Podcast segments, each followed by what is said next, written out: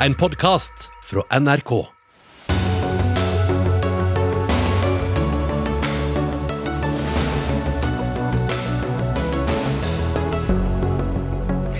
Regjeringen mener datainnbruddet på Stortinget ble gjennomført fra Kina, og kaller den kinesiske ambassadøren inn på teppet. Vi trenger flere milliardærer, ikke færre, sier Høyres Ove Trellevik. Nei, forskjellene mellom folk må heller ned, svarer Arbeiderpartiets Hadia Tajik. De to møtes i Dagsnytt 18. Den norske koronakrisehjelpen har forverret klimakrisen, viser ny rapport om at Norge er dårligst i Europa. Norske turister samler seg i flokk på de samme fjellene, og det er en gedigen fiasko, mener Norsk Globetrotter. Det er en virkelighet vi ikke kjenner oss igjen i, svarer Turistforeningen. Og kommunenes lommebøker har mer enn doblet seg de siste fem årene, men forskjellene er store, og hva hjelper det når utgiftene står i kø? Ja, velkommen til Dagsnytt 18 denne mandagen i juli. Jeg heter Anne Katrine Førli. Vi skal også snakke om digitaliseringen i skolen, som gjør at det blir vanskeligere for lærere å få tak i nok bøker i papirform. Men vi skal starte med datainnbruddet mot eh, Stortinget. Og norske myndigheter sier nå at eh, det kraftige datainnbruddet mot Stortinget i mars ble gjennomført fra Kina. Det var rettet mot Stortingets e-postsystemer, og innbruddet ble utført ved å utnytte sikkerhetshull i e-posttjeneren Microsoft Exchange. Nå går altså utenriksministeren tydelig ut mot Kina og sier at Norge ikke aksepterer slike angrep, og har kalt Kinas ambassadør inn på teppet. Og vi har med oss stortingsrepresentant Tone Wilhelmsen Trøen. Hvor viktig er dette her, at det nå slås hardt ned på angrepet? Det er klart Dette er jo et uh, veldig alvorlig angrep på vårt uh, demokrati. Uh, dette dataangrepet, dette datahackingsangrepet hadde jo potensialet til å kunne forstyrre våre parlamentariske prosesser, som er alvorlig. Derfor er det betydningsfullt at regjeringen i dag går ut og viser til at dette angrepet kommer fra Kina. Eh, samtidig som også allierte land og organisasjoner reagerer og sier det samme. Hvordan har dette angrepet påvirket eh, Stortinget? Ja, våre egne mm, analyser eh, viser jo at det ble hentet ut kontaktinformasjon mm, for, for stortingsrepresentanter og for ansatte. Ikke sensitive personopplysninger. Eh, men angrepet i seg selv hadde potensial til å ramme vår eh, virksomhet og vår, våre parlamentariske prosesser. Eh, og dette skjedde jo i, i, mars, i en veldig travel tid for Stortinget. Vi, går jo inn også i et, vi er jo i et valgår. Så det er klart at et angrep som har et slikt potensial, er svært alvorlig. Er dere bekymret for at viktig informasjon er kommet på avveie? Ja, Det er eh, fortsatt eh, under etterforskning. PST, PST etterforsker jo denne saken eh, fortsatt. Og vi avventer jo selvfølgelig den, den etterforskningen. Men vi har ingen opplysninger om at noen av våre portaler på Stortinget har blitt tappet for informasjon. Men dette er som sagt under etterforskning fortsatt. Et angrep som som jeg sa tidligere, har potensial til å forstyrre vårt eh, arbeid, forstyrre prosessene på Stortinget, det er, eh, det er svært alvorlig. Og vi er jo inne i et valgår som gjør at vi eh, har ytterligere skjerpet IT-sikkerheten. Og har også lært av disse to angrepene som Stortinget har vært utsatt for det siste året. Vi har også med oss Lars Gjesvik, som er doktorgradsstipendiat ved Norsk utenrikspolitisk institutt. Du skriver om cybersikkerhet. og eh, Hvor oppsiktsvekkende er det at utenriksministeren eh, i dag sier at det er Kina som står bak dette angrepet mot eh, Stortinget? Det er ikke spesielt overraskende verken at at denne typen digitale angrep skjer stadig oftere, og at eh, Kina er et av landene som står bak. Og det er heller det er også en trend om at stater er mer opptatt av å eh, peke på andre stater når de tror de vet hvem som står bak, og, og gjøre hverandre ansvarlige for denne typen angrep. Det er en trend man har sett de siste mm, fire-fem årene utvikle seg. Ja, Vi ser at Norge gjør dette sammen med bl.a. USA. De går enda lenger og peker ut navngitte personer i Kina. Eh, hva tenker du ligger bak at Norge ikke gjør det på den måten? Det kan jo være flere ting. Det kan jo være at eh, USA sitter på informasjon eh, Norge ikke har. Det kan jo også være at man ikke ønsker å gå etter enkeltpersoner på, på den måten. Um, så ja, Akkurat hva som ligger bak der er vanskelig å si. Man, man, peker på Kina som land og stat og holder de ansvarlige for angrepet. og Så ønsker man ikke å ta det ned på et enkeltpersonnivå. og Det er eh, i linje med andre europeiske land på det her. Eh, norske myndigheter, da også ved utenriksministeren, gikk eh, også i, i august i fjor eh, hardt ut mot Russland for et angrep som de sto bak. Kan man sammenligne dette på noe vis? Altså, det å, å peke på uh, hvem som sto bak, er jo det samme. Og målet er jo også det samme. Men så er det en del store uh, forskjeller. Denne hendelsen i mars var en del av en mye større kampanje hvor stater og selskaper over hele verden var, uh, var mål. Mens i høst så tyder alt på at det var en mindre operasjon som spesifikt rettet seg mot Stortinget. Så selv om det er store likheter, så er det også ganske mye som er forskjellig her. Hva slags effekt kan vi regne med at det får, at eh, både USA og Norge og flere går såpass hardt ut mot Kina i denne saken her? Altså, dette med eh, cybersikkerhet og dataangrep er jo et eh, ganske nytt politisk fenomen i diplomatiet. Man har jo hundrevis av år med tradisjoner og, og eh, erfaringer, mens dette med internett og digital teknologi er veldig nytt. Så man lager jo egentlig veien litt mens man går her. og, og prøver å finne felles spilleregler og normer underveis.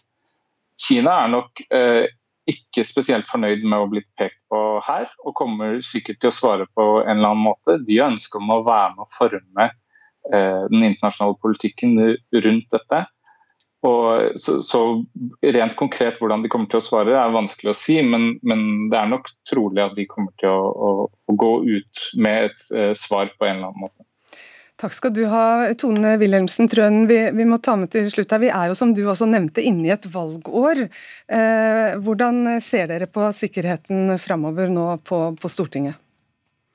Nei, Vi vet jo at uh, politikere og Stortinget er uh, utsatt. Um, de åpne sikkerhetsvurderingene som sikkerhetsmyndighetene leverer hvert år, og nå senest i februar, peker jo nettopp også på det samme. Eh, og det er klart at, at Når man er i et valgår, så er det også um, utrolig viktig å ha uh, stor, være skjerpet uh, og styrke IT-sikkerheten for å trygge de demokratiske prosessene. Uh, vi opplever jo altså denne type angrep. det er angrep som, som ikke vil oss vel. som kan ha potensial til å ramme våre demokratiske prosesser. Og det må vi jobbe kontinuerlig eh, med i et stadig mer krevende trusselbilde. Takk skal du ha for det, Tone Wilhelmsen Trøen, stortingspresident, og Lars Gjesvik fra NUPI.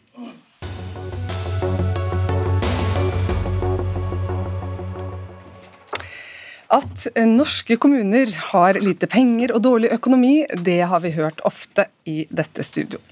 Nå viser nye beregninger fra Statistisk sentralbyrå at mange av dem går med overskudd. For kommunenes lommebøker har mer enn doblet seg de siste fem årene. Og tallet da, økningen er på 31,3 milliarder kroner. Og nå, bare for å ta med det også, er det bare 15 kommuner som står på den såkalte Robek-listen over kommuner som da er i økonomisk, svært stor økonomisk ubalanse, kan vi si. Og Mari Holm Lønseth, vi begynner med deg. Stortingsrepresentant for Høyre og sitter i kommunal- og forvaltningskomiteen. På hvilken måte da mener Høyre at kommunene har fått en bedre økonomi? eh, nå? Det har jo vært en villa politikk med Høyre i regjering å styrke kommuneøkonomien. Det er jo derfor bare siden vi tok over i 2013 har vi sørga for også en vekst i de frie inntektene på anslagsvis 35 eh, milliarder kroner. og Det ser man jo også resultatet av her, når man også ser ser hvordan det også står til i de tallene som kommunene sjøl rapporterer til staten. Eh, og da mener jeg at eh, det som du også sa innledningsvis, så har man jo i det studioet her gang på gang sagt at det står dårlig til med kommuneøkonomien. Men da mener jeg at de anklagene som da har kommet fra Arbeiderpartiet, Senterpartiet og andre over lang tid, egentlig viser seg å være en bløff. fordi her viser det seg at det står faktisk jevnt over ganske godt til.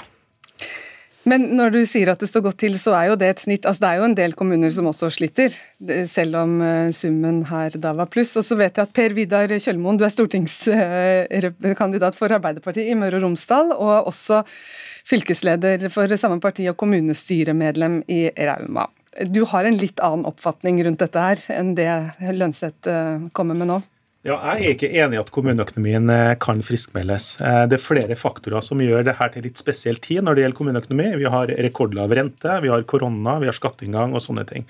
Samtidig ser vi at gjelda i kommunene er firedobla. Kommunene har også fått flere oppgaver, og både økonomer og mange kommunestyrer er dypt bekymra for framtida. Jeg bor i en liten distriktskommune. Der er hverdagen noe helt annet enn det bildet som forsøkes å skapes i studio her av Høyre. Eh, I Rauma har vi vært nødt til å kutte hardt på skole og spesialundervisning. I Ålesund er det foreslått å kutte 83 sykehjemsplasser. Til og med i høyrestyrte Molde er det foreslått å legge ned 35 sykehjemsplasser i første omgang. Og Sånne eksempel finnes det i hele landet, og det viser bare behovet for en Ap-ledet regjering som prioriterer skole og eldre framfor milliarder i skattekutt til de rikeste. Det er ikke Høyre som sitter i studio her og lager det her inntrykket. Det er tvert imot kommunene sjøl som rapporterer gjennom KOSRA til Statistisk sentralbyrå, som forteller også hvordan tilstanden er i kommuneøkonomien. Det viser også at det er jevnt over godt. og det er jo også forskere som sier at det er jevnt over god kommuneøkonomi i Norge, så kan man godt være enige om at selv om vi har sørga for å styrke kommuneøkonomien de siste årene, så er det fortsatt store utfordringer i kommunesektoren i årene som kommer. Vi vet at vi blir flere eldre. Det er kjempebra at det blir flere eldre, folk lever lenger.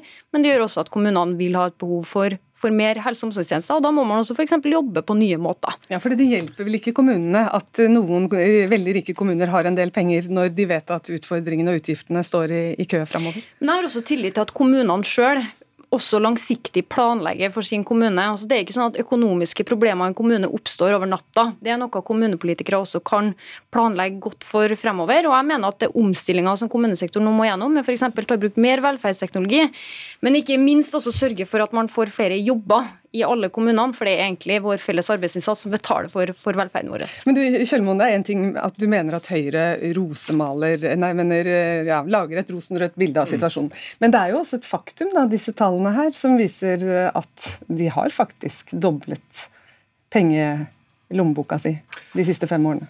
At kommunene har litt penger på bok, det syns jeg er bra. Jeg har også litt penger på bok hjemme hos meg i tilfelle vaskemaskinen ryker. Eh, og Høyre, Høyres minister sjøl har sagt at kommunene må ha visse penger på bok for å møte eldrekrise, for å møte vekst i elevtall på skoleplasser osv. osv. Jeg tenker det her er et, et, et verdivalg. Eh, vil du ha, vil du ha eh, mer sentralisering, vil du ha mer privatisering, vil du ha mer salg av Norge, eller vil du ha satsing på gode skoler en, og en verdig eldreomsorg med Arbeiderpartiet? For Det er det denne debatten handler om. Kommuneøkonomi kommuneøkonomi er kommuneøkonomi, men det er egentlig skoler og, eh, og, og sykehjemsplasser. Og for å ta et, jeg har lyst til å ta et lite personlig eksempel eh, i, i studio her. I 2017 så ble bestemora til kona mi eh, dårlig. Først ble hun litt syk, og så ble hun veldig syk. Og Da tok det altfor lang tid før hun fikk den sykehjemsplassen hun skulle ha. Så hun fikk bare ei lita uke på sykehjemmet før hun døde. Da hadde Rauma kommune 90 sykehjemsplasser.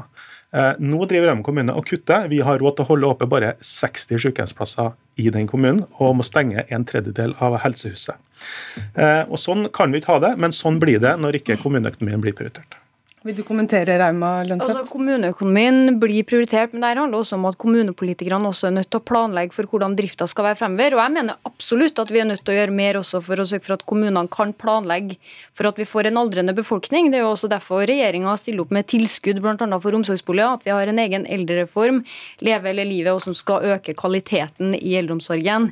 Men det er ikke til å stikke under en stol at selv om kommunene også har litt penger til over, sånn som du også har på din eh, bufferkonto, så har også kommunene mer enn det teknisk beregningsutvalg også anbefaler at de skal ha i stor grad. Som også da viser at det går også godt i, i kommuneøkonomien. Da tror jeg vi må ta inn kommunene selv her, for vi har også med oss deg, Bjørn Arild Gram. Du er leder i kommunesektorens interesse- og arbeidsgiverorganisasjon KS. Eh, de sier her at det er et verdivalg. Vi må først høre din reaksjon da, på tallene som viser nå at det er et større overskudd i kommunene. Ja, og det er bra. og Det er ingen grunn til å drive noe katastrofebeskrivelse av situasjonen for kommuneøkonomien, men det er heller ingen grunn til å skjønnmale situasjonen. Eh, det er nok store variasjoner i Kommune-Norge. Og jeg tror Hvis du spør eh, ja, nokså mange jevne kommunestyremedlemmer rundt omkring i landet, så vil du nok få en beskrivelse som forteller at det er ganske krevende situasjon. Eh, det vi gjør også årlig en budsjettundersøkelse for å sjekke hvor mye har du måttet kutte eller omstilt for å få budsjettet i hop hvert år. Og bestandig må gjøres litt av det. Men det vi har sett de siste par årene, er at det beløpet er vesentlig høyere enn det har vært i en del år før, som er et, i hvert fall et tydelig bilde på at eh, det har stramma seg til de siste par årene i kommuneøkonomien. Mm. Men det inntrykket man får utenfra er jo at det er veldig store forskjeller mellom kommunene. Eh, og da, da tenker man jo, ikke, Kunne man ikke funnet en løsning her som gjorde at de kommunene som trengte det, fikk det, og ikke ja. alle nødvendigvis, når vi ser at det er så store forskjeller? Det er jo store forskjeller, delvis fordi at eh, det gjøres ulike valg rundt omkring i det enkelte kommune, selvfølgelig, og man har ulike eh, måter å prioritere på. Eh, men man har òg ulike forutsetninger. Vi har et inntektssystem som utjevner mellom skattesvake og skattesterke kommuner, men det er fortsatt betydelige forskjeller. sånn at Kommunene har ulike utgangspunkt når det gjelder å sikre god drift og sunnhet i sin økonomi. Nå, nå sier, hører vi også her at det er bare nå 15 13 eh, kommuner som er på den såkalte Robek-lista. Ja. Det har jo også en betydning eh, at man har gått, gått ned det var vel 100 det var for ikke lenge siden? Ja, det var jo under eh, Forrige gangen den nåværende regjering styrte, så var, nådde vi en topp på Robek-lista, og så kom rød-grønn regjering hvor det reduserte betydelig. og Med nåværende regjering så er det ytterligere redusert. og Det er heldigvis nok nokså få på denne Robek-lista som sier noe. så da, da, da, står det dårlig til som regel når du kommer på den lista. da. Men det, det å unngå å komme på den lista kan jo ikke være ambisjonen vår for Kommune-Norge, som har et så stort ansvar for å sikre et bredde av tjenestetilbud rundt omkring i hele landet. Mm. Da må ja, vi se på andre mål. Ikke sant? Din hjemkommune Rauma, som du nevnte også i stad, er jo en av disse som, som står på, på Robek-lista. Hva betyr det i praksis? Ja, det betyr at uh, mye av utviklingsarbeidet i kommunen stopper opp, uh, for du må få godkjent uh, nye låneopptak. Eh, og jeg er helt enig med, med KS. Man må ha større, større, ambisjoner enn å unngå at kommunene eh, havner på, eh, på Robek. Der handler hvor gode skoler skal du ha i kommunene i Norge, hvor god eldreomsorg skal du ha for, for eldre. Og for Arbeiderpartiet er svaret enkelt. Vi vil prioritere litt mer på skoler og eldreomsorg i kommunene. Vi setter av 3,45 milliarder kroner 3,45 000 millioner kroner mer til det i 2021 enn høyreregjeringa, for vi ønsker å prioritere det framfor skattekutt til dem som har mest fra før. Ja. Øyvind Anti Nilsen, professor ved Norges handelshøyskole, han sier også at vi skal ikke rope for høyt om at kommunene har for høye overskudd, fordi det er også store behov for investeringer eh, framover. Han har jo et poeng der. Ja, absolutt. Kommunene kommer til å ha store behov for investeringer fremover. Vi vet at vi blir flere eldre, det er flere som skal ha gode barnehager og gode skoler. og Det er nettopp derfor man må prioritere kommuneøkonomien sånn som Høyre i regjering har gjort. Eh, og Det er veldig fint å høre Arbeiderpartiet snakke om at de ønsker å styrke kommuneøkonomien, men sannheten, hvis du ser bakom deres egne tall i sine alternative statsbudsjett, er jo at de har underfinansierte løfter, f.eks. gratis skolemat, som man setter av 300 millioner kroner til, som koster over en milliard. Den kostnaden må da også lempes over på andre. Jeg vil heller styrke kommuneøkonomien og styrke de frie inntektene til kommunen. Kort, kort fra Kjellmoen, også Gram. Joe Biden sier ikke vis meg verdiene dine, vis meg budsjettene dine. Og budsjettene til Arbeiderpartiet viser at vi prioriterer skoler og eldreomsorg høyere enn Høyre. Rett og slett for at for oss er det viktigere enn skattekutt til dem som har mest fra før. Uavhengig av hvordan man vurderer situasjonen i kommuneøkonomien i dag, så er det behov for å styrke kommuneøkonomien. Bl.a. fordi at vi står midt oppi en del krevende reformer og situasjoner nå. Barnehagereform med bemanningsnormer som er kraftig underfinansiert med en milliard neste år, eller en fastlegeordning som holder på å kollapse. og Så ser vi nå at denne såkalte eldrebølgen møter oss. Eh, det er definitivt behov for å styrke kommuneøkonomien framover. Noe sier meg at vi skal diskutere dette igjen i Dagsnytt 18-studio framover. Takk skal dere ha, Mari Holm Lønseth, Per Vidar Kjølmoen og Bjørn Arild Gram.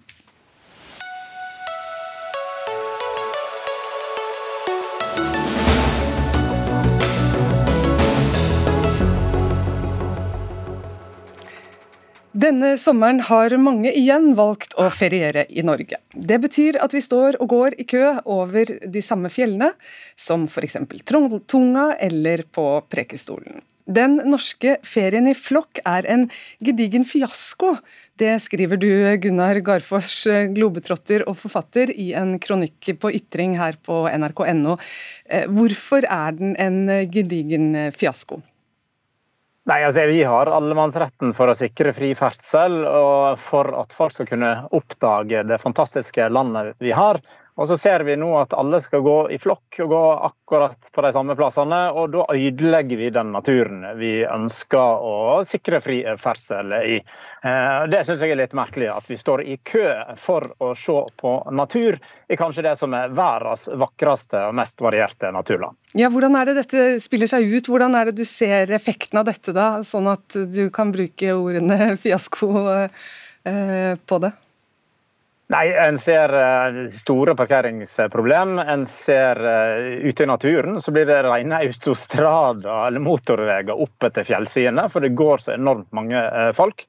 Så stiene utvides stadig. Dette vil ta mange tiår, eller kanskje til og med 100 år, å reparere hvis naturen får være i fred. Vi ser friluftsbæsjing overalt.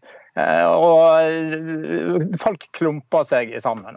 Resultatet blir da at folk som kommer for å se en naturattraksjon, en av de fantastisk mange flotte vi har, eh, som blir kåra til verdens beste rundt omkring i media overalt. Folk får ikke sett det de kommer for å se, for de ser ikke turistattraksjonen for bare turister. Ja, og Det er der du da tar, tar, til orde for at her må vi rett og slett innføre noen grep for å hindre da at alle bruker allemannsretten på samme sted i fellesferien i juli. Hvordan er det du tenker at dette skal gjøres? Ja, for det, altså det, er jo ikke alle mann på samme tid-retten vi snakker om. Eh, jeg mener at en bør da innføre, som en har gjort enkelte plasser, bruke friluftslova, eh, eller gå rett og slett inn i allemannsretten til å innføre parkeringsavgifter, til å innføre inngangspenger, og, eller kanskje da avgrense besøkstallene på gitte plasser. Vi snakker i eh, juli, eller i fellesferien, det er da det her stort sett er problem. Eh, så da er vi kanskje nødt til å ta sånne grep for å, å, bevare den flotte naturen vi faktisk har. Og Det med allemannsretten altså, det er helt unikt for Norge. Eh, og så klarer vi da likevel å da eh, misbruke den på en sånn måte at vi, vi ødelegger den naturen vi, vi, er så stolte over. Ja, Trygve Sunde Kolderup, du er seksjonsleder for natur og bærekraft i Den norske turistforening. Eh, tenker du at dette er riktig vei å gå? Uh, nei, uh, vi er ikke nødvendigvis helt enig i, i alt det Garfors uh, sier. Og vi er bekymret for at en gradvis innføring av lokale forbud vil kunne få en, en smitteeffekt og sånn sett bli en, bli, en, trussel mot allemannsretten. Vi mener at nettopp pandemien har vist oss at altfor mange lokale regler, forskjellige regler, gjør ting vanskelig og uoversiktlig. Vi ønsker et enkelt og tilgjengelig friluftsliv, og, og da tror ikke vi det er veien å gå. Men der vi er enige med Garfors, det er at vi må sette av mer ressurser til å ta vare på naturen og til å håndtere besøksstrømmene på, på populære turmål. Vi har mange turmål i Norge som har et stort besøk, og der kreves det en, en tilrettelegging og en aktiv forvaltning. Og da tror vi at gjennom styring av ferdsel, informasjon, helhetlig forvaltning, så, så, tror vi det kan være mulig å legge til rette for gode besøksopplevelser på, på disse turmålene. Men det er absolutt ikke noe, noe lette svar. Men alle alternative løsninger mener vi må prøves ut når, når presset blir, eh, blir, stort. Men dere ønsker ikke at det skal bli en begrensning på antall mennesker som kan, kan være på Trolltunga-gangen eller eh, den type tiltak? Det tenker dere ikke vil fungere? Vi, vi, mener at man i hvert fall da må prøve alle mulige alternativer før man kommer dit. Og vi mener at, uh, at liksom langtidsvirkningene av det, de, de, er vi bekymret for. Og vi har sett vi mener det er masse gode eksempler i Norge på at man har satt nasjon, altså, uh, viktige turmål i stand til å håndtere uh, et høyt antall besøk. Uh, nasjonale turister det er en ordning som vi har vært tilhengere av lenge. Der har man gitt statlige penger gjennom Miljødirektoratet til høyt, altså populære turmål. Og, og, og, jobbet for å ivareta naturverdiene der. Og de, de, er ting som kan vise til veldig veldig gode resultater. Enten det går på stislitasje og stiutbedring, som Garfors er inne på, eller toalett, parkering, fjellvakttjeneste, som har f.eks. redusert antallet redningsaksjoner veldig positivt. Ja, Garfors, Det kan jo være en fare dette her, at man eh, innskrenker allemannsretten enkelte steder, som da kan bli utnyttet igjen eh, nå hvis man først begynner å åpne opp for en del begrensninger av tilgangen til norsk natur? natur? Altså, jeg ser vel at allemannsretten allerede er i ferd med å bli utfordra. Og da primært i strandsone, i hyttefelt med oppsetting av gjerde og, og, den type eh, ting. Eh, her snakker vi om, om sårbare plasser som, som, veldig mange vil til, og da blir de rett og slett ødelagt. Og så, så, så hører vi um, Sunde Kalderup nevne andre plasser og, og vellykka tiltakene utført. Så ja, kjempebra, men en ser ikke de store massene som reiser dit. For alle skal da til de, til de her åtte-ti plassene rundt omkring i, i landet som, som, som, står på, på mange såkalte bucketlister. Vi må prøve å spre uh, det her. Det har, vi, det har, ikke vi klart i stor nok grad. Folk tiltrekkes uh, fortsatt av Geiranger og, og Besseggen osv. Vi har 13 200 fjell her i, i, landet, men alle skal da absolutt gå på to eller tre eller fire. Det syns jeg er merkelig. Kanskje må vi gjøre eh, noe med det. Bruke da pisk, og ikke bare gulrot. Ja, Koldrup, litt mer pisk, så det ikke blir så stor slitasje på, på enkelte steder eh, i den mangfoldige naturen vår? Vi tror helst på, på kanskje gulrot og, og informasjon. Eh, og tenker jo da at det er sånn som UT, som er en side som ut.no, som er en side som vi satser på, der, der har du tilgang til, til alt av, av, turinfo og bruker den aktivt til å spre trafikk. Det er noe vi, vi jobber med hele tiden. Og så mener jeg at det er veldig viktig at i diskusjonen om allemannsrett, så må man også tenke på at det er ikke noe rett til å oppføre seg som en, en tulling eller, eller liksom være dust i naturen. Altså, allemannsretten det er, eh, det er, på en måte, det er ikke en fribillett til å, til å gjøre som du vil. Og, og, Vi er opptatt av allemannspliktene. Eh, få ut informasjon om det, som går eh, for hvordan du skal opptre hensynsfullt når du er, eh, er ute. Og, og, Det mener vi også er viktig, at man har ressurser eh, og, og, setter av eh, nok ressurser til å informere om det. Da tror jeg vi må sette strek. Takk for eh, at dere var med oss, Gunnar Garfors, forfatter og globetrotter, og Trygve Sunde Kolderup, seksjonsleder natur og bærekraft i Den norske turistforening.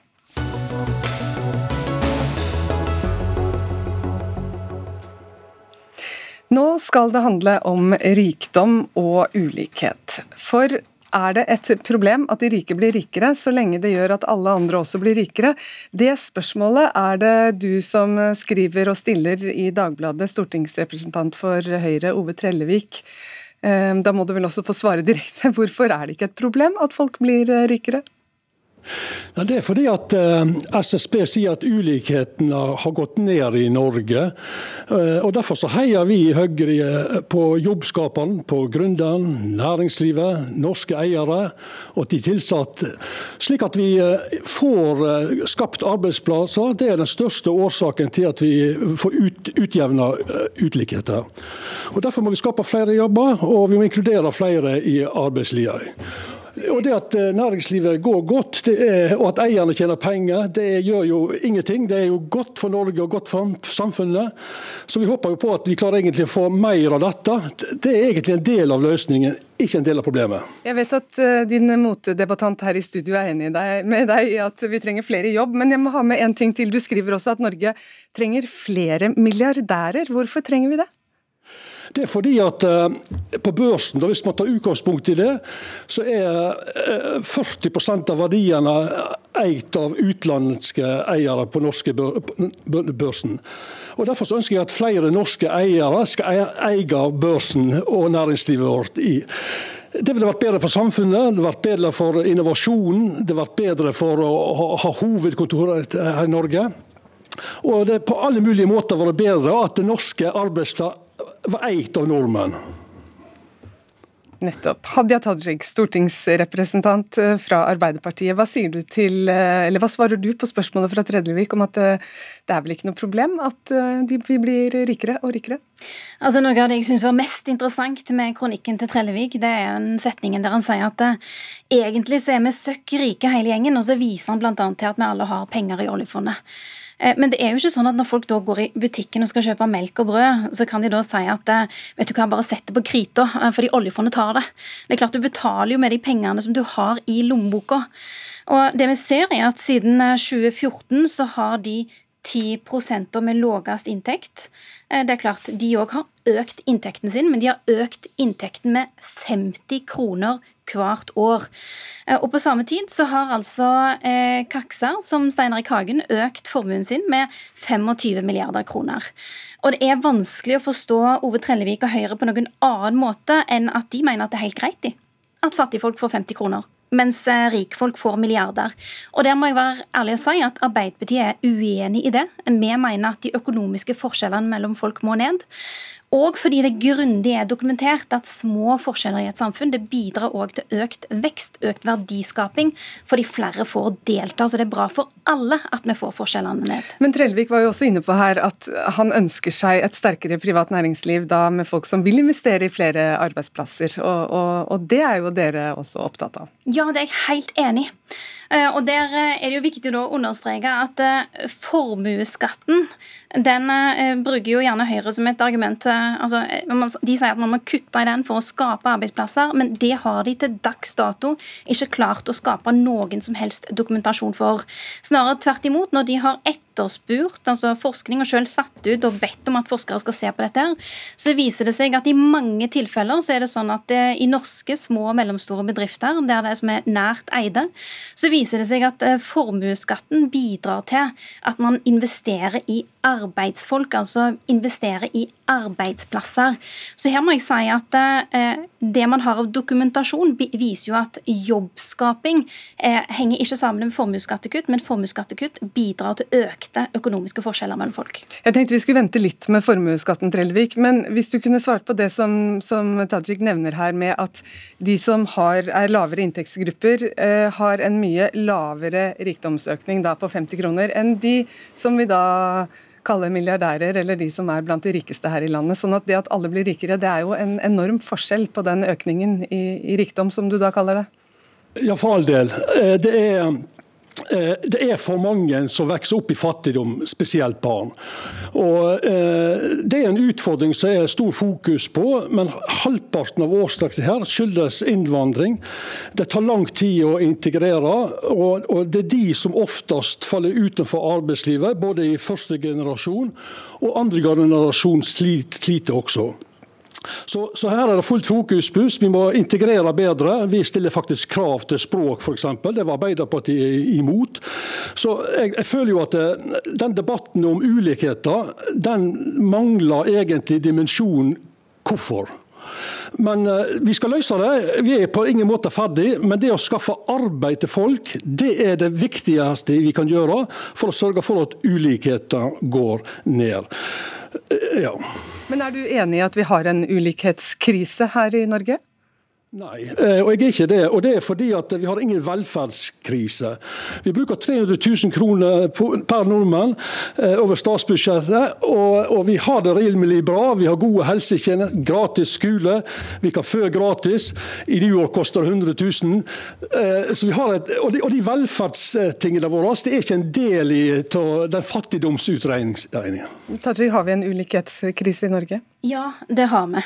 Og når vi ser på de tallene som regjeringa sjøl legger fram i sin egen stortingsmelding om ulikhet, og jeg vil jo tro at de har laget en stortingsmelding om ulikhet fordi de mener at det er viktig, der skriver de jo eh, at eh, inntektsulikheten har steget gjennom perioden. De skriver òg om formuesulikhet, og der støtter de seg til SSB-forskning som er veldig tydelig på at formuesulikheten òg øker. Og Vi ser jo at En veldig viktig del av grunnen til dette her er jo at Høyre har en politikk som gir rikfolk fordeler, og som gir vanlige folk regninger. Jeg tror det er ganske mange som syns det er provoserende at Høyre skryter av at rike har blitt rikere, mens barn av arbeidsfolk har mista brillestøtten, pendlerne har fått redusert fradraget, funksjonshemma har mista retten til fysioterapi, barnehager og SFO har blitt dyrere, arbeidsledige har mista dagpengene, og det har kommet stadig nye avgifter. Så dette er med andre ord en villet politikk fra Høyre, mens Arbeiderpartiet ønsker å ta utviklingen i en helt annen retning. Vi ønsker å få de økonomiske forskjellene ned, for det gir folk flere muligheter. Trellevik. Og Da skal de altså innføre en formuesskatt på arbeidende kapital. Flere tusen norske bedrifter går med underskudd, hvor eierne blir dømt til å ta ut penger til disse selskapene. Det skaper utrygge arbeidsplasser, det skaper økt arbeidsledighet, og det er ingen penger til innovasjon og nyskaping. Jeg gleder meg til Hadia kommer med den arbeidsgiveren som sier at nå har jeg ansatt nye folk, for nå er formuesskatten økt. Jeg gleder meg, gleder jeg. Ja. Så bra. Altså, dette er jo en myte som Høyre forsøker å spre. Eh, altså Dette med at eh, formuesskatten svekker norsk eierskap. Altså, eh, Høyre forteller jo selv i de svarene de gir til Stortinget, og til Stortinget må de snakke sant, eller så blir de jo tatt på det, så forteller altså Høyre at utenlandske eiere de betaler faktisk mer i kapitalskatt enn det norske eiere gjør. De offisielle svarene fra Høyre i Finansdepartementet er at Norge hadde vært nødt til å øke eiendomsskatten eller selskapsskatten med henholdsvis 26 eller 51 milliarder milliarder kroner hvis vi skulle behandle norske eiere likt med utenlandske. Så jeg og Arbeiderpartiet er opptatt av at norske eiere skal ha ordentlige og skikkelige rammevilkår, god konkurransedyktighet og noe av det viktigste der, i tillegg til eh, altså at man har en stabil og forutsigbar skattepolitikk, sånn som Arbeiderpartiet har, er jo òg at man investerer i folk og investerer i deres muligheter. At man ikke bidrar til økt sosial ulikhet, sånn som Høyre gjør, gjennom sin politikk. Gjennom de siste åtte åra så har landets 1000 rikeste fått skattekutt fra Høyre, som tilsvarer at de kunne kjøpt seg en fancy champagneflaske hver eneste dag i åtte år, mens eh, de skattekuttene som vanlige folk har fått, det tilsvarer altså 1,8 kroner per dag. Og Det mener Høyre er rettferdig, men det mener ikke Arbeiderpartiet. Kort kommentar, Trellevik, så må vi avslutte. Jeg har ikke møtt en eneste som kjøper champagne hver eneste dag. Tvert imot så møter jeg langs kysten arbeidsomme folk, arbeidsvillige folk, risikovillige folk. De har skapt verdier og arbeidsplasser i generasjoner. Det som Arbeiderpartiet har tenkt å gjøre her, det vil skape økt arbeidsledighet, større ust i næringsliv og, og, mindre innovasjon og mindre utvikling i svært mange mange, mange selskap. Og så må vi, vi få med oss det at der, eh, Trellevik, dessverre. Det var En kort kommentar fra Tajik her på veien ut. Da skal jeg svare veldig kort på det. Det Trellevik nå sier, det er tøys og tullball. Eh, Arbeiderpartiet sin skattepolitikk er forutsigbar, den er trygg, den sikrer gode rammevilkår for norsk arbeidsliv og vil bidra til at det blir jobbskaping sammen med de investeringsmidlene som vi kommer til å sette på bordet. Det som i hvert fall er sikkert sikkert, er at valgkampen er i gang. Takk skal dere ha, Hadia Tajik, stortingsrepresentant fra Arbeiderpartiet, og Ove Trellevik, stortingsrepresentant fra Høyre.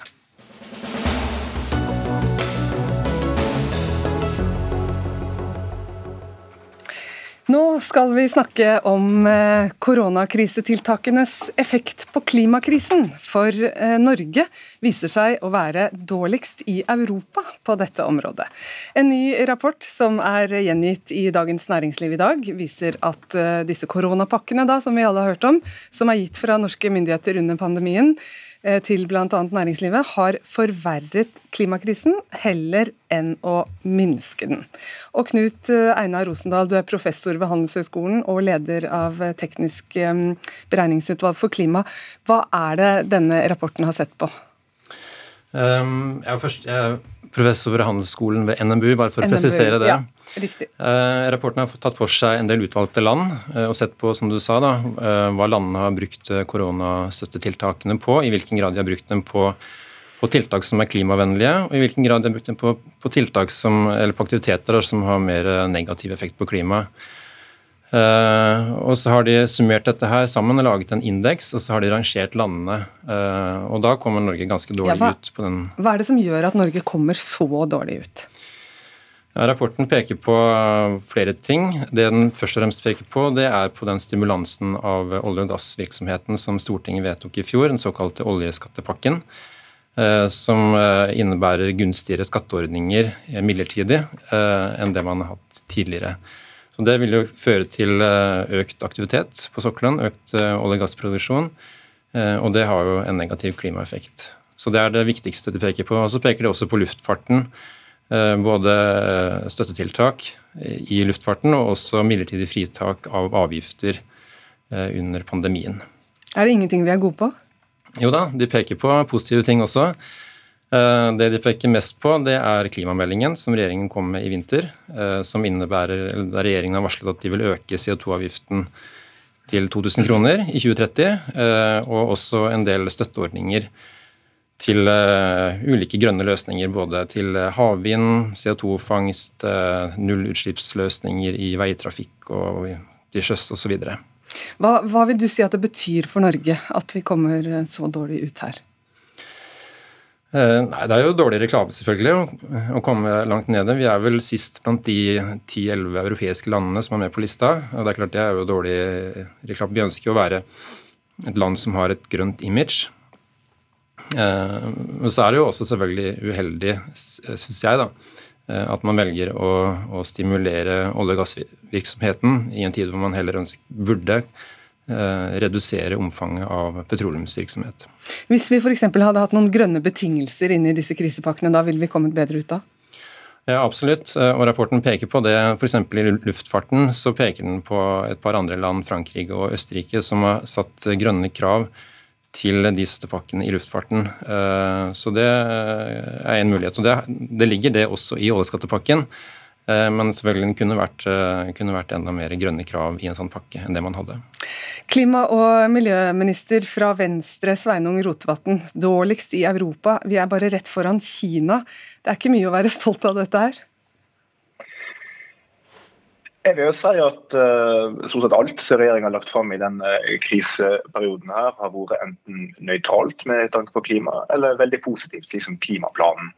Men det skal jo sies at det har jo vært en del forhandlinger på Stortinget der uh, ja, der det har løpt av gårde, får vi vel si. Uh, og den oljepakken som regjeringa la fram, som i utgangspunktet var ganske nøytral, ble jo etter hvert veldig dyr. Eh, og I denne rapporten vi her snakker om fra et britisk konsulentselskap, så jeg kjenner ikke alle detaljene i den, men så vidt jeg forstår, så er det den pakken som i særlig grad trekker ned. Eh, og Det får en jo bare registrere, men det er klart hele hensikten med det stortingsflertallet der gjorde, var jo å stimulere olje- og gassbransjen. Det må en jo være ærlig på. Mm. Men dere kunne jo da, hvorfor har dere ikke lagt inn flere grønne betingelser eller krav i disse krisepakkene, da, som ville gjort at eh, det ville kommet litt bedre ut i forhold til eh, klimakrisa? Vi har lagt frem masse grønn politikk i krisepakkene. I fjor for eksempel, så eh, kom vi med over 4 milliarder kroner i støtte til grønne industriprosjekt, eh, til klimaomstilling, som var en del av regjeringas fase tre-pakke som det heter, for å få fart på økonomien igjen. Og I tillegg så har vi varsla en kraftig oppjustering i CO2-avgiftene for en rekke aktører i åra framover, som også drar oss i betydelig positiv retning i denne kåringa. Og når utslippene i Norge nå har gått ned i fem år på rad, så er selvfølgelig regjeringens plan at de skal fortsette å gå ned, og enda raskere enn det de har gjort fram til nå. Lars Haltbrekken, stortingsrepresentant fra SV. Norge på jumboplass, hva tenker du? Det er dessverre ikke overraskende. Og dette er ikke den eneste rapporten som viser det. Det som regjeringa og stortingsflertallet har eh, brukt koronakrisen til, er jo å gjøre oss enda mer avhengig av de forurensende olje- og gasselskapene. Det er pøst milliarder av subsidier inn i eh, olje- og gassektoren. Det kommer til å øke utslippene av klimagasser i en tid hvor klimakrisen er akselererende. Så har vi altså brukt de mulighetene vi har eh, til å gjøre oss mer avhengig av dette, i stedet for å bruke pengene på solenergi, på havvind, på energieffektivisering og den omstillinga som vi faktisk trenger, og som vi ser at mange andre land har brukt uh, muligheten til. Nå var jo Hovedpoenget med disse pakkene da å redde arbeidsplasser, og det har du jo uh, gjort enkelte steder. Blir det ikke da automatisk disse konsekvensene, da, når man faktisk også redder arbeidsplasser innenfor denne sektoren? SV la fram øh, forslag om å redde arbeidsplassene i leverandørindustrien til oljeselskapene ved å satse mer på f.eks. offshore vindkraft. Ved å satse skikkelig på nullutslippsløsninger i eh, skipsfarten. Da kunne vi ha redda arbeidsplasser. Det som eh, har skjedd, eh, Et eksempel er jo at Havforskningsinstituttet har bestilt et nytt forskningsfartøy. Fått koronapenger til det. Dette kunne vi ha utvikla, bygd i Norge med norske arbeidsplasser og skikkelig gode miljøløsninger. Det bygges i stedet i Nederland. Burde dere ikke ha hørt på SV her, Rotevatn? Altså, Både jeg og, Venstre for så vidt har vært kritiske til den retninga den oljepakken etter hvert tok på Stortinget. Men nå er det nå slik at vi er i mindretallsregjering, og vi må forsøke å inngå noen flertall, og helst breie flertall, ikke minst i en kriseperiode. Og Da var det her veldig viktige krav for Arbeiderpartiet, eh, Senterpartiet og Frp. Men når det er sagt, så er det mange milliarder i krisepakkene som går direkte dette er målretta klimainvesteringer som Haltbrekken etterlyser. Og ikke minst så er det atskillig flere milliarder til klimatiltak i det ordinære budsjettet. F.eks. det ordinære budsjettet for i år, der vi har lagt inn den største klimasatsingen i norsk industri noensinne, nemlig karbonfangst- og lagringsprosjektet, som langt overstiger det vi her snakker om. Og Når utslippene da i tillegg går jevnt nedover, og klimaplanen legger opp til at det skal de fortsette å gjøre i åra framover, så mener jeg at vi er på rett vei. Haltbrekken. Det er riktig at utslippene i Norge har gått marginalt ned de siste årene. På langt nær så mye som eh, vi må dersom vi skal ta vårt ansvar for å møte klimakrisen, og heller ikke nok til å nå våre egne klimamål. Eh, Regjeringa brøyt jo i fjor det klimamålet Stortinget satte seg for ni år siden eh, om hvor store utslippene i 2020 skulle være. Det brøyt regjeringa med glans. Det som er faren, er jo at denne Eh, måten vi har brukt koronakrisepengene på, eh, etter forslag fra regjeringa, vil øke norske utslipp. Det vil forsinke omstillinga av næringslivet i Norge. Og vi vil se at andre land satser på miljøteknologien andre land stikke av med disse eh, gevinstene og disse arbeidsplassene som vi kunne ha vært i tet på, og virkelig satsa og brukt eh, denne pandemien eh, til å få til denne omstillinga som vi er avhengig av. Ja, Rotevatn, Dere måtte, som du også sier, inn i Stortinget for å få støtte bl.a. fra Arbeiderpartiet på denne saken her, men, men dere, dere kunne jo stått litt hardere på en del av disse kravene her uten problem, kunne dere ikke det? Regjeringa har stått hardt på en rekke skanser i denne eh, pandemien. For så har det jo vært et betydelig press på Stortinget for å gi atskillig mer i direkte støtte til en del flyselskap, som en har holdt igjen på. Det har vist seg en vellykka politikk. Og så er det jo det Lars Haltbrekken og SV kaller en marginal nedgang i klimagassutslippene. Ja ja, det er i hvert fall en nedgang som går fire ganger som raskt som da SV styrte klima- og miljøpolitikken. Så nå er vi på rett kurs, og det er viktig at vi er.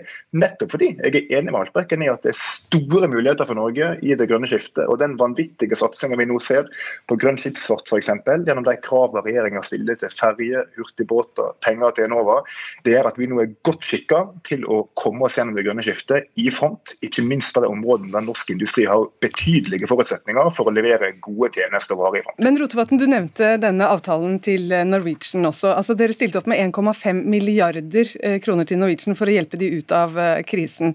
Eh, det er dere som ansvaret sitter i, i regjering. Hvorfor stiller dere ikke krav om utslippskutt når dere gir så mye penger? Men det gjør vi jo. Vi har jo sagt det at nå skal luftfarten møte en betydelig økt CO2-avgift i åra framover. Og det er allerede de luftselskapene i Europa som møter strengest klimaavgifter.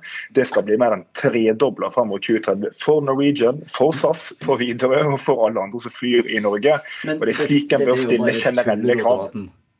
Dere stilte jo ikke et eneste krav, eh, miljøkrav, i forbindelse med at dere pøste penger inn i Norwegian, slik f.eks. Frankrike eller Østerrike gjorde da de ga støtte til flyselskapene. Det ville ha vært lett for den norske regjeringa å stilt miljøkrav også til Norwegian, men dere ønska ikke å gjøre det. Og denne regjeringa har jo ingen plan for hvordan Norge skal nå sine klimamål. Dere har ingen plan for den omstillinga som Norge må gjennom. Tvert imot så ser vi det motsatte. Vi ser at dere fremmer forslag om en oljeskattepakke som blir enda verre gjort av stortingsflertallet flertallet, som binder oss mer til olje- og gasselskapene eh, og gjør oss mer avhengig av dem eh, framover. Og så ser vi også nå før sommeren dere kommer med nye arealer også til olje- og gassindustrien og sørger for at vi blir mer avhengig av det verden etterspør mindre av.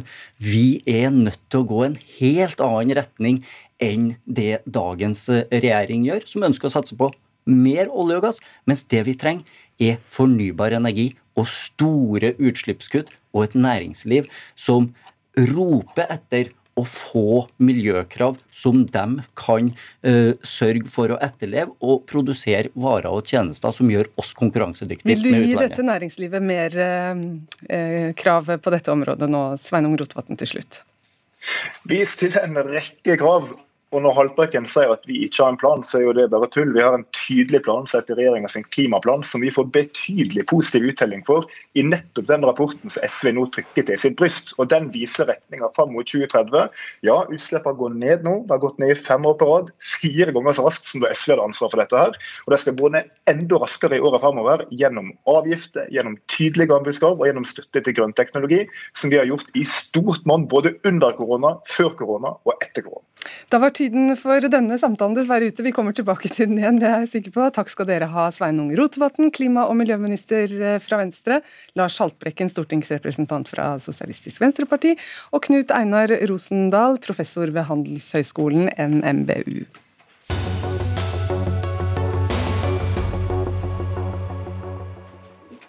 Nå skal vi snakke om fagfornyelsen i skolen. Det er altså regjeringens nye skolereform. Den har ført til at en del lærere mener at de fysiske lærebøkene nå er blitt nedprioritert i skolen pga. denne storstilte da, digitale satsingen. Og Ifølge Klassekampen er det flere lærere som opplever dette problemet. Vi har med oss én, og det er deg, Torbjørn Ole Johansen Frost Vidnes. Du er realfagslærer ved Knarvik videregående skole. Du og 31 31 andre lærere har skrevet brev til Vestland fylkeskommune der dere spør om flere fysiske lærebøker, rett og slett. Hvorfor er det så viktig med, med fysiske bøker eh, i skolen? Altså, for det første så mener vi jo at uh, lærerne må få velge uh, hva slags læremiddel de skal ha tilgang til sjøl. Lærerkollegier kan få bestemme det, og lærere, hver enkelt lærer. Eh, altså Vi bruker jo både bøker og andre læremidler. Eh, og masse digitale læremidler eh, har vi blitt veldig flinke til å bruke. Eh, men eh, de aller fleste lærere og elever, iallfall på vår skole, vil ha en fysisk lærebok i bunnen. Eh, og det handler jo om at skal en bruke bare skjerm hele tida, f.eks. Eller hva kan de digitale læremidlene faktisk eh, gi oss av helhetlig eh, læring. Alle de tingene vi skal foreta oss i, når, vi, når vi driver med undervisning. Ja, fordi Dere er jo ikke mot eh, det digitale skiftet her, det er ikke det det handler om. Men dere, det er økonomien da som setter stopper for at alle elevene da kan få de fysiske lærebøkene som dere mener at de bør ha, i tillegg til de digitale læremidlene? Ja, det det som har blitt forklart for oss, da, at uh, en har skutt inn penger i det digitale, men uh, ikke reservert noen penger til, til fysiske lærebøker. Takk skal du ha. Heidi Austli, du er administrerende direktør i Den norske forleggerforeningen. Du er også kritisk nå til at det blir færre bøker tilgjengelig for eh, lærerne, og dermed også eh, elevene. Eh, hvorfor er dette så, en så vanskelig situasjon? Jeg tenker at eh, Dette er en veldig viktig beskjed for alle politikere å ta imot. og Det handler om at lærernes valgfrihet er fjerna. Det betyr at vi også har fratatt de den fagprofesjonen de har i forhold til å velge hvilke læremidler som gir best læringsutbytte for elevene. Noen ganger så heter det digitale læremidler, andre ganger så heter det lærebøker også. Noen ganger så heter det til og med store malepensler. Eh, og så ser vi jo at eh, til denne fagfornyelsen her, så har det blitt bevilga veldig lite penger til læremidler i sin helhet i forhold til den forrige skolereformen, som het Kunnskapsløftet. Da ble det spytta altså milliarder inn i læremiddelkjøp, som både var bok og digitalt. Nå har det kommet null kroner til lærebøker i videregående opplæring. 250 cirka, millioner til grunnskolen som en engangsinvestering. Og så har det også kommet 240 millioner til digitale eh, læremiddelkjøp. Men det vi ser, er at eh, det kjøpes ikke læremidler heller. Altså I fjoråret, som er de sikreste tallene vi har, eh, så er, ligger det 40% under et såkalt normalår for kjøp av læremidler. Og det, og, det, og det, kjøpes heller ikke digitale læremidler. Nei, nettopp, Og det til tross for at man da faktisk har en omlegging som krever nytt pensum? Ja, det er helt nye læreplaner i alle fag, som betyr nye eh, læreplanmål eh, og nye mål for læringen, som også da betyr nye læremidler. Grunde Kreken Almeland, Du er statssekretær i Kunnskapsdepartementet, representerer Venstre. Er dette her en, en situasjon som dere i departementet er fornøyd med? Altså, Det stemmer jo ikke helt at uh, det ikke er finansiert uh, midler konkret til, til læremidler både i, i, videregående og i, i, grunnskolen. Når vi ser på videregående, så er det viktig når man sammenligner med Kunnskapsløftet i 2006, så er det siden den gang innført en egen ordning i videregående eh, der man kompenserer eh, fylkeskommunene for at de jevnlig skal kunne skifte ut sine læremidler. Det var en ordning som ikke var på plass med det forrige, med det forrige reformen. Den er på plass i dag, og den skal gi alle, alle fylker, fylkeskommuner et handlingsrom faktisk til å prioritere pengene, sånn at det, man skal ivareta det som jeg tross alt er helt enig her at lærerne selv kan bestemme hva som er riktige læremidler å bruke i sin undervisningssituasjon. Jeg hører at dere er enige om at det er lærerne som skal eh, bestemme dette, her, men er ikke, dere er ikke helt enige om hvor mye penger som egentlig er bevilget til bøker i denne sammenhengen her? Nei, og, så er det viktig å si at det finnes også fulldigitale, altså gode læremidler i alle fag på alle nivå som også er digitale. Poenget her er jo at Eh, regjeringen løper fra sin egen reform ved å ikke finansiere den hele veien ut.